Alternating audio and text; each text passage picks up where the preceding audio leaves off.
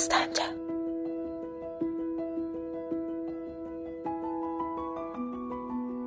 Lalədən ayrılıb qılıncları təhvil verdik.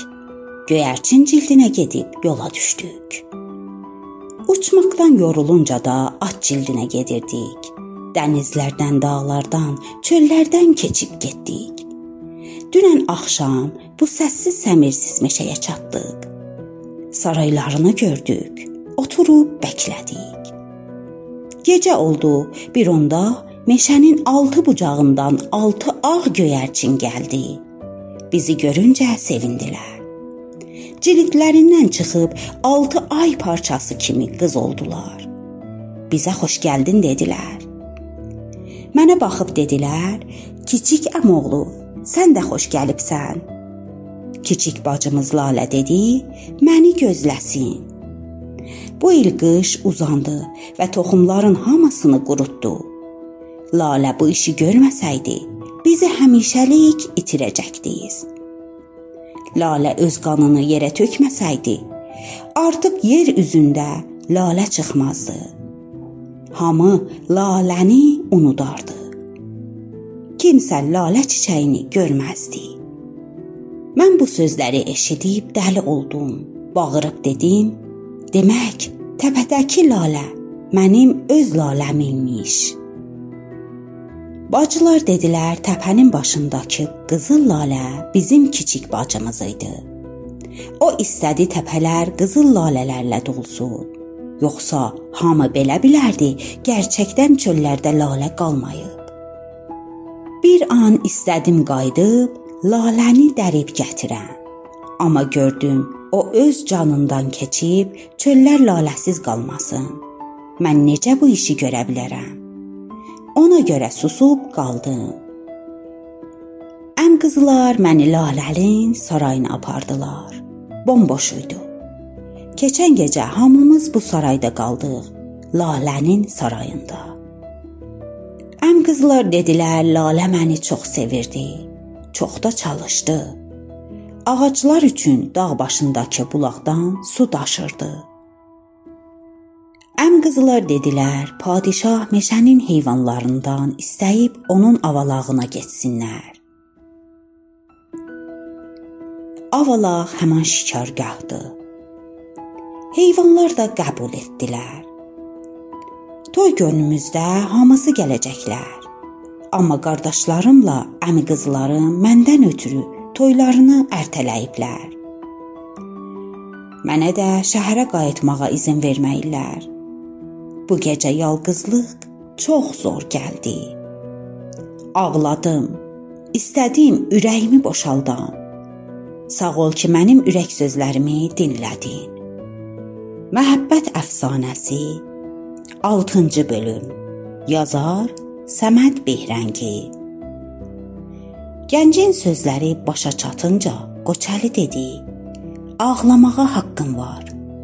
Mən də bir zaman padişahın qızına vurulmuşdum. O məni saraydan eşiyə atdı. Mən də artıq dalısıca olmadım. Gənc oğlan soruşdu: "İndi ondan acığın gəlir yoxsa?" Qoçəli dedi: "Mən indi də ona vurğunam. O qədər gözəldir ki, tayı tapılmaz." Amma özünü bəyənən kötü xuylunun biridir. Sənin lalənin bir tükü min dəyər onun kiminlərə. Gənc soruşdu: "Qoçəli, sən tək başına yalqız qalırsan?" Qoçəli dedi: "Mən bacım Lalə ilə qalıram." Gənc dedi: "Həmin qız ki, birlikdə qoyun otarırdınız?" Qoçəli dedi: "Hə.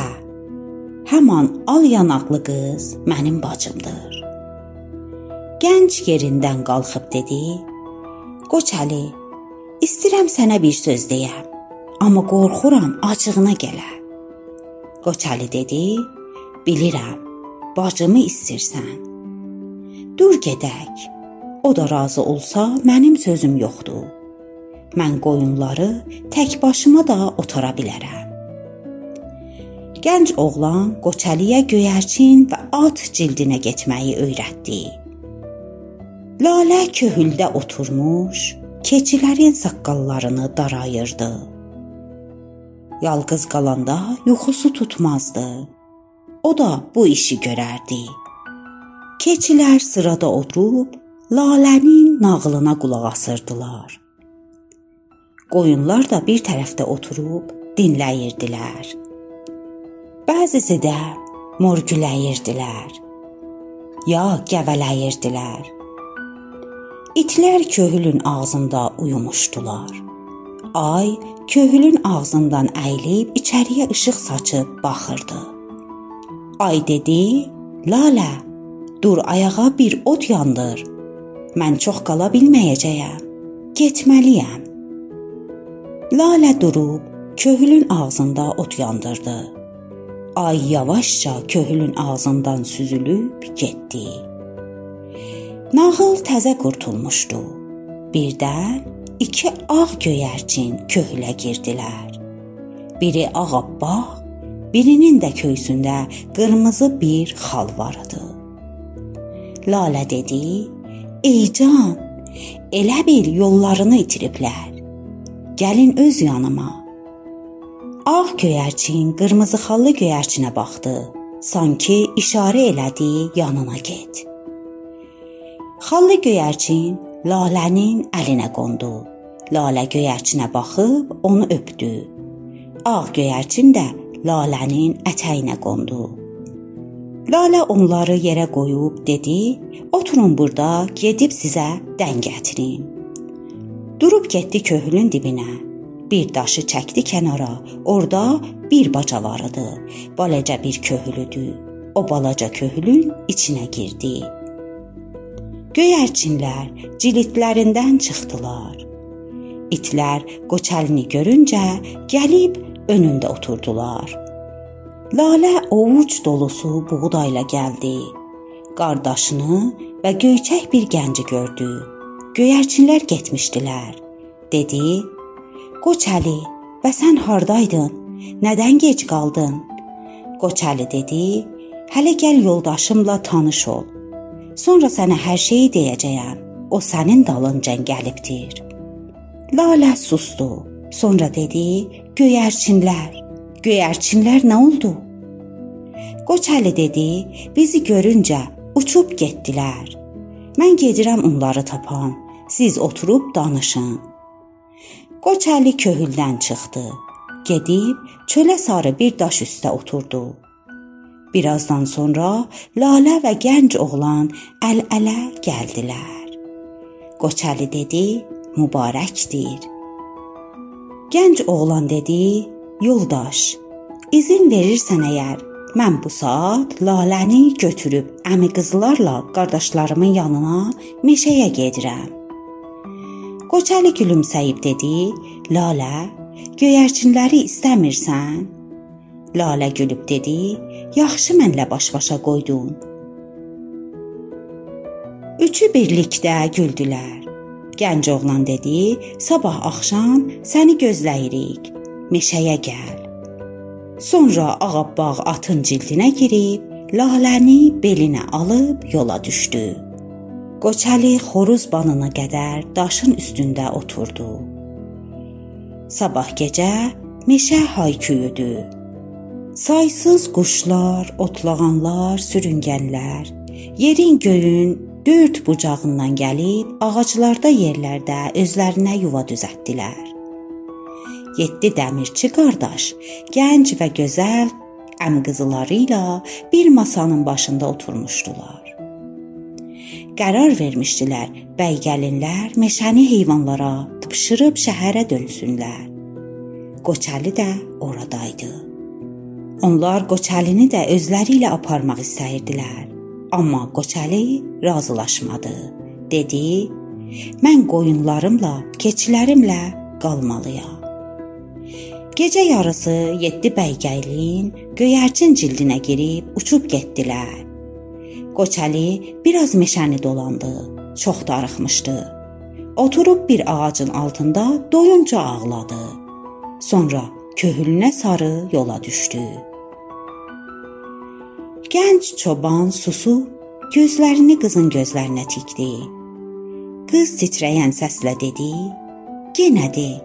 Qoçəliyə nə oldu?" O gün keçdi. Qoçəli yenə qızı xatırladı. Öz-özünə dedi: "Mən də o qızı ağla gətirməsəm, bu dağların, çöllərin çobanı deyiləm." Bir anda göyərçin cildinə gedib padşahın bağına sarı uçdu. Yetişib bir ağacın budağına qondu. Biraz orada bəklədi. Qızın haça hovuza gəlməyindən xəbəri var idi. Az keçmişdi, çox keçmişdi, qız gəlib süd hovuzunda çimməyə məşğul oldu. Göyərçin nar budağına qonub dedi: "Ay qız, sən nə gözəlsən. Mən sənə vurğunam." Padişahın qızı hirslənib hayküy saldı.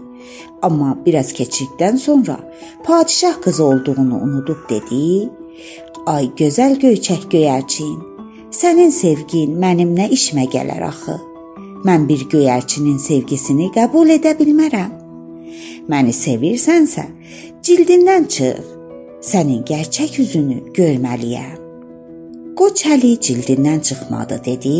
Mənim üzümü görmək istərsən, mənə bir şey verməlisən. Padişahın qızı yuxusunu verdi. Qoçəli qızdan yuxusunu alıb uçdu. O gündən sonra qız yuxusuz qalıb xəstələndi. Şəhərin həkimləri onu toxtada bilmədilər. Bir gün Qoçəli özünü qoca həkim şəklinə salıb şahın sarayına gəldi. Dedi: "Mən qızınızın dərmanını bilirəm. Filan dağda gənc bir çoban var. O gəlib məhəbbət əfsanəsini qızınıza oxusa, qızınız toxtayacaq." Çoban susdu.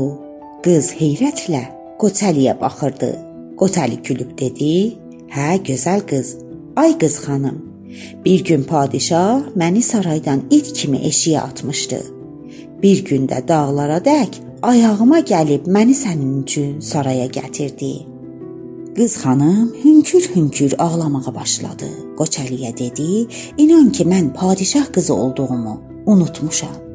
Mən də səni sevirəm hamı kimi yaşamaq istəyirəm. Qoçəli dedi: "Hamı kimi yaşamaq sənin üçün çox çətindir. Sən naz-nemət içində böyüyübsən. Amma istərsən, ona da adət elərsən." Qız dedi: "Səninlə yaşarsam, hər iş mənə asan olar. Qoçəli, məni də özünlə apar." Qoçəli qızın göz yaşlarını silib cibindən bir alma çıxartdı, dedi: "Sən çox yorğunsan. Bu almanı al ye. İndi gedirəm, amma gəlib səni aparacağam." Qız almanı yeyib gözlərini yumub yatdı. Şirin bir yuxuya daldı. Qoçəli qızın yanağını öpüb gedib padişaha dedi: "Qızınız toxtadı. 3 günədək rahatsız eləməyin, izin verin yatsın. 4-cü gün gedib oyandırın." İkinci gün səhər çağı, hələ günəş bütünlükcə çıxmamış çağ, Qoçəli göyərçin cildində qızın otağına gəldi. Dimdiyində bir qızıl gül gətirmişdi. Gülü qızın burnuna dayadı. Qız gözlərini açıb gülümsədi. Qoçəli soruşdu: "Rahat yatdın?" Qız dedi: "Çox şirin yuxladım. Qənd kimi, bal kimi. Məni aparmağa gəldinmi?" Qoçəli dedi, dur gedək bağda əl üzünü yu. Günəş bütün gözəlliyi ilə yer üzünə işıq saçırdı. İki aşiq, ağ göyərçin bir nar budağından qanadlanıb günəşə sarı uçtular.''